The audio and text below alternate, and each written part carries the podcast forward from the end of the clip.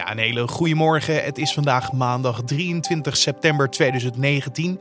Ik hoop dat je een fijn weekend hebt gehad en dat je weer nieuwe energie hebt voor de aankomende week. Mijn naam is Carne van der Brink en dit is de Nu.nl Dit Wordt Het Nieuws podcast. Vandaag zal de rechtbank van Utrecht weer in het teken staan van de tramaanslag in Utrecht.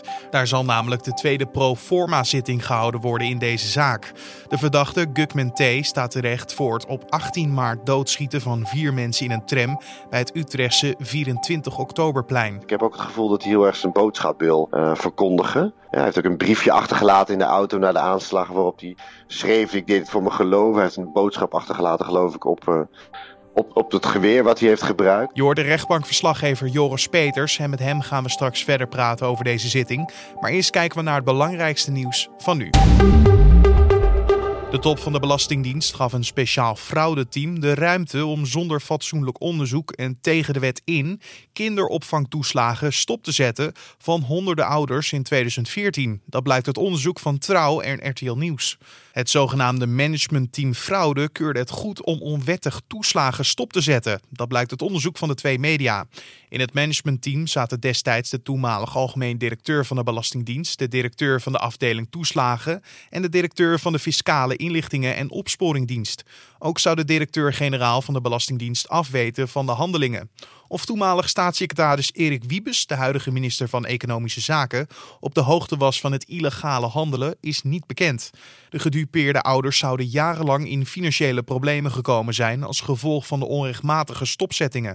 De Romeinse politie verdenkt mogelijk een Nederlander van het ontvoeren en doden van een 11-jarig meisje. Dat melden Romeinse media. Het meisje kwam vrijdag niet thuis van school in haar dorp Gura-Suti ten noorden van Boekarest. De Romeinse politie maakte zondag bekend dat het meisje dood was gevonden met sporen van geweld op het lichaam. De politie zelf heeft nog niet bevestigd dat de verdachte een Nederlander is. Dit komt uit berichten van verschillende lokale media. Een woordvoerder van de politie zou dit onofficieel hebben gezegd. En de verdachte zou rondrijden in een een huurauto waarin hij vrijdag het kind bij haar school meenam en dit werd op bewakingscamera's gezien. Zes jongeren zijn zondagavond onwel geworden in een jeugd GGZ-instelling in Bokstol. Vermoedelijk hadden zij ecstasy gebruikt, meldt de politie Oost-Brabant. De jongeren zijn met spoed naar het ziekenhuis gebracht en één van hen is er slecht aan toe. De onwelwordingen vonden plaats binnen de hekken van de instelling, maar wel buiten in de open lucht, zo meldt een woordvoerder van de politie. En de woordvoerder laat weten dat in ieder geval een paar van de jongeren bewoners van de instelling waren. Of alle betrokkenen in de instelling wonen is nog niet bekend. En loopt nu een onderzoek naar dit vergrijp. Zowel de politie als de betreffende instelling onderzoeken hoe de jongeren aan de drugs gekomen zijn.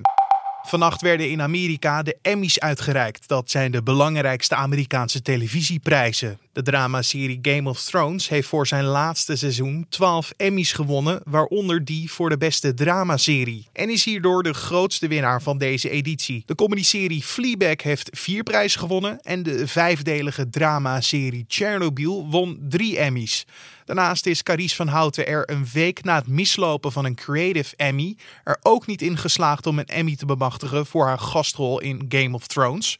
Van Houten zag de prijs naar de Amerikaanse Cherry Jones gaan voor haar rol in de serie The Handmaid's Tale. En producent en programmamaker John de Mol greep ook naast de prijzen, want de Amerikaanse versie van The Voice was genomineerd voor Beste Talentenjacht. Maar die prijs ging uiteindelijk naar Drag Race. En dan kijken we naar het gesprek van deze podcast, oftewel dit wordt het nieuws. Vandaag is dus de tweede proforma zitting in de rechtbank van Utrecht omtrent de tramaanslag in Utrecht. De verdachte Gukman T is alleen vandaag zelf niet aanwezig. De 38-jarige T staat terecht voor het op 18 maart doodschieten van vier mensen in een tram bij het Utrechtse 24 oktoberplein. De slachtoffers waren een 19-jarige vrouw en drie mannen van 28, 49 en 74 jaar oud. Bij de eerste niet-inhoudelijke behandeling in juli van dit jaar moest de 38-jarige verdachte wel verplicht aanwezig zijn.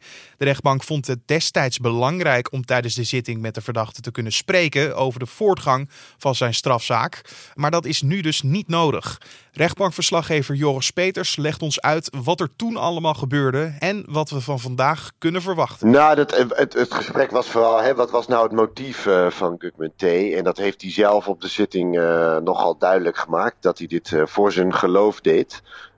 oftewel een terroristische aanslag. En dat is eigenlijk wel de beste samenvatting, want verder wilde hij gewoon eigenlijk niet communiceren met de rechtbank. Hij erkent de, recht, de rechter niet, onze democratie niet. Um, dus ja, veel vet dan dat kwamen we niet. Nee, want toen moest in juli Gugman verplicht aanwezig zijn. Nu niet. Waar zit dat verschil dan tussen? Nou ja, de eerste keer wilde de rechter eigenlijk toch wel met hem, met hem proberen in gesprek te gaan. En dat snap ik ook wel. Er, was, er is natuurlijk ook geen advocaat. Um, dus hij wilde toch eigenlijk wel wat duidelijkheid hebben in zoverre Gugman die wilde geven. Uh, maar ja, de rechter kwam er ook al vrij snel achter dat, dat hij dat niet gaat krijgen. Of in ieder geval niet echt. En een, een verdachte hoeft nou eenmaal niet aanwezig te zijn bij een proforma zitting. En ik denk ook dat de rechter zoiets had van... heeft het wel heel veel zin om hem nou verplicht om, te komen? Uh, dat lijkt me niet. Hij hoeft niet te komen. Dus dan, dan is het voor nu ook goed. Ja, want je zei inderdaad dat T uh, tot nu toe heeft geweigerd om een advocaat in de armen te nemen. Hij, hij erkent de rechtbank niet. Is dat de reden?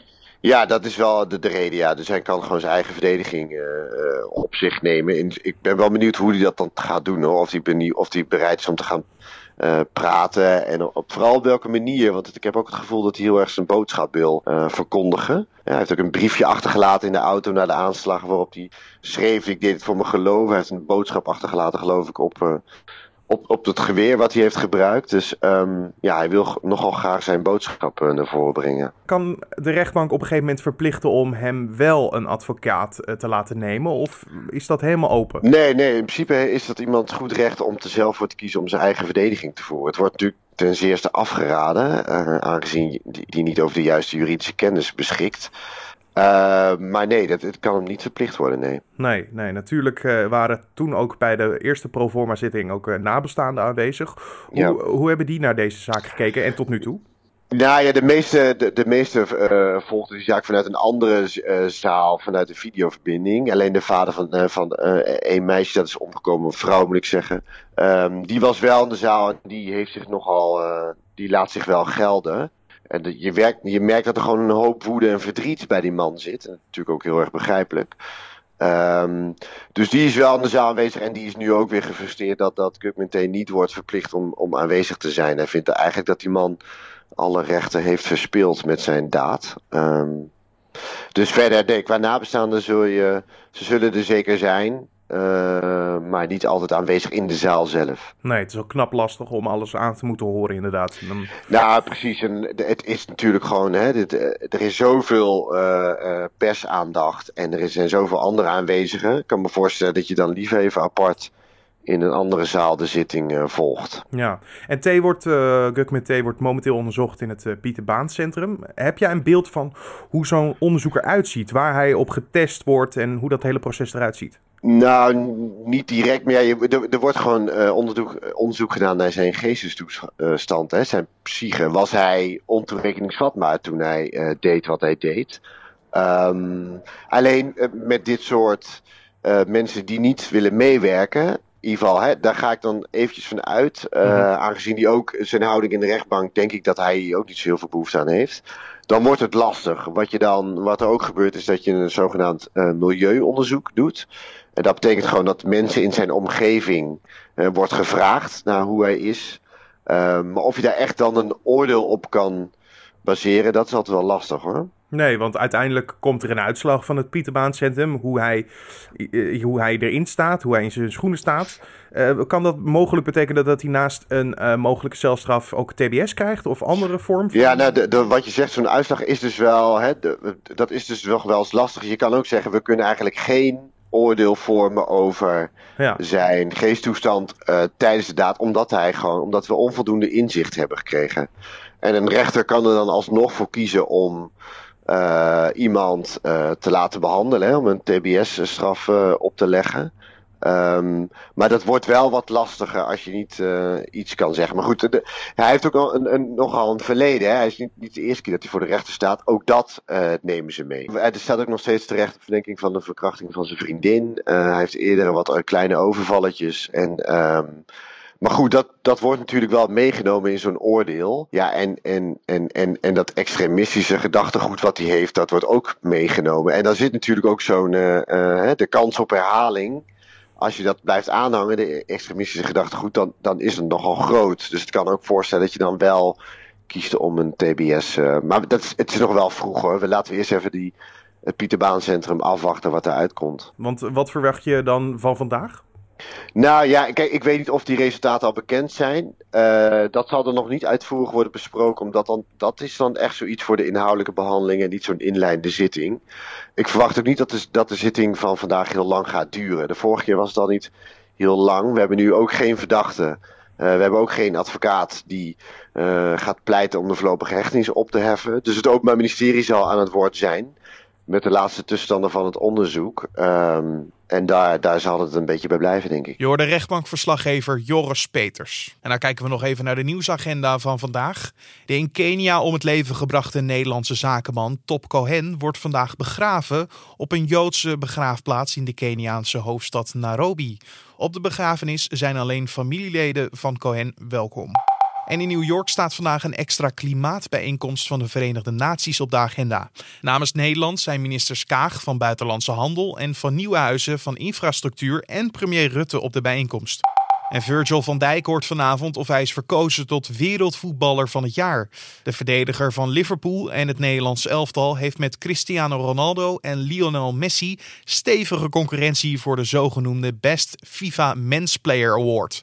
Op het gala in Milaan wordt er bekend wie er door de aanvoerders, bondscoaches, fans en journalisten is gekozen. En dan nog even het weer. Na een vrij warm weekend wordt het vandaag aanzienlijk koeler. Op veel plekken is het ochtends bewolkt en regenachtig. Maar de buien klaren vanuit het zuidwesten langzaam op en de maximale temperatuur is 20 graden. Daarnaast waait er overdag een frisse westelijke wind. En om af te sluiten nog even dit. Ik leef mijn leven zoals ik dat wil met een ander. Ik leef mijn leven zoals ik dat wil. Laat me gaan voordat ik nu verander. Laat mij nu gaan. Laat mij nu gaan. Het is vandaag precies 15 jaar geleden dat André Hazes op 53-jarige leeftijd overleed. De levensliedzanger laat niet alleen talloze kroeghits, maar ook bijzondere verhalen achter. Nu.nl Entertainment-redacteur Sean Verhoeven belde met acteur en zanger Martijn Fischer, die al meerdere malen in de huid van Hazes kroop voor een musical en een film. Zij vroeg hem wat de volkszanger voor hem heeft betekend. Hij heeft eigenlijk, uh, ja, ik durf toch wel te zeggen, mijn leven veranderd. Want door hem te spelen heb ik een, uh, mijn uh, carrière echt wel een soort omslag gekregen. Ik, ik was altijd al acteur en ik, ik, deed, ik speelde hartstikke leuk bij allerlei theatergezelschappen, allerlei rollen. Maar uh, door hem te gaan spelen kwam ik best wel op de kaart staan. En doordat uh, andere producenten zagen dat ik hem zo'n grote rol kon dragen, heb ik andere leuke grote rollen gekregen. En eigenlijk daarnaast, want dat is eigenlijk gewoon best een opportunistisch verhaal. Daarnaast um, ben ik ook ehm, gaan bewonderen in hem dat hij eigenlijk met zo'n achtergrond een reis van 53 jaar heeft gemaakt. Met als startpunt de, de pijp, driehoog achter. En ja, als je dan ziet wat zijn leven een vlucht heeft genomen met, met al die successen en al die grote concerten. En uh, dan vind ik dat, daar heb ik ontzettend veel bewondering voor. Dat iemand met die achtergrond dat kan presteren en zoveel kan betekenen voor heel veel mensen. Je hoorde acteur en zanger Martijn Fischer. En onze entertainmentredactie heeft verder nog gesproken met Frans Bauer, Dries Roelvink, Samantha Steenwijk, Frans Duits en Gerard Joling. Zij delen allemaal hun dierbaarste herinnering aan Hazes. En vind je het misschien leuk om dat stuk te lezen? Dat kan. Ik plaats een linkje in de beschrijving van deze podcast. Zo kan je het makkelijk vinden. En dit was dan de Dit wordt het nieuws podcast voor deze 23 september. Je vindt de podcast van maandag tot en met vrijdag op de voorpagina van nu.nl. En je kan je ook heel makkelijk abonneren op deze podcast in je favoriete podcast-app. Zoals Spotify, daar staan wij gewoon ook op. Zoek op nu.nl, dit wordt het nieuws. Daar vind je ons en dan kan je gewoon gratis abonneren. Zo kan je hem heel makkelijk downloaden en gewoon bij het ontbijt luisteren of als je op weg bent naar je werk. Heel makkelijk is dat en zo mis je geen aflevering. Dat vinden wij natuurlijk het belangrijkste. Je kan ons ook laten weten wat je van deze podcast vindt via een mailtje naar podcast.nu.nl of een recensie in iTunes. Mijn naam is Carne van der Brink. Voor nu wens ik je een hele mooie maandag en tot morgen.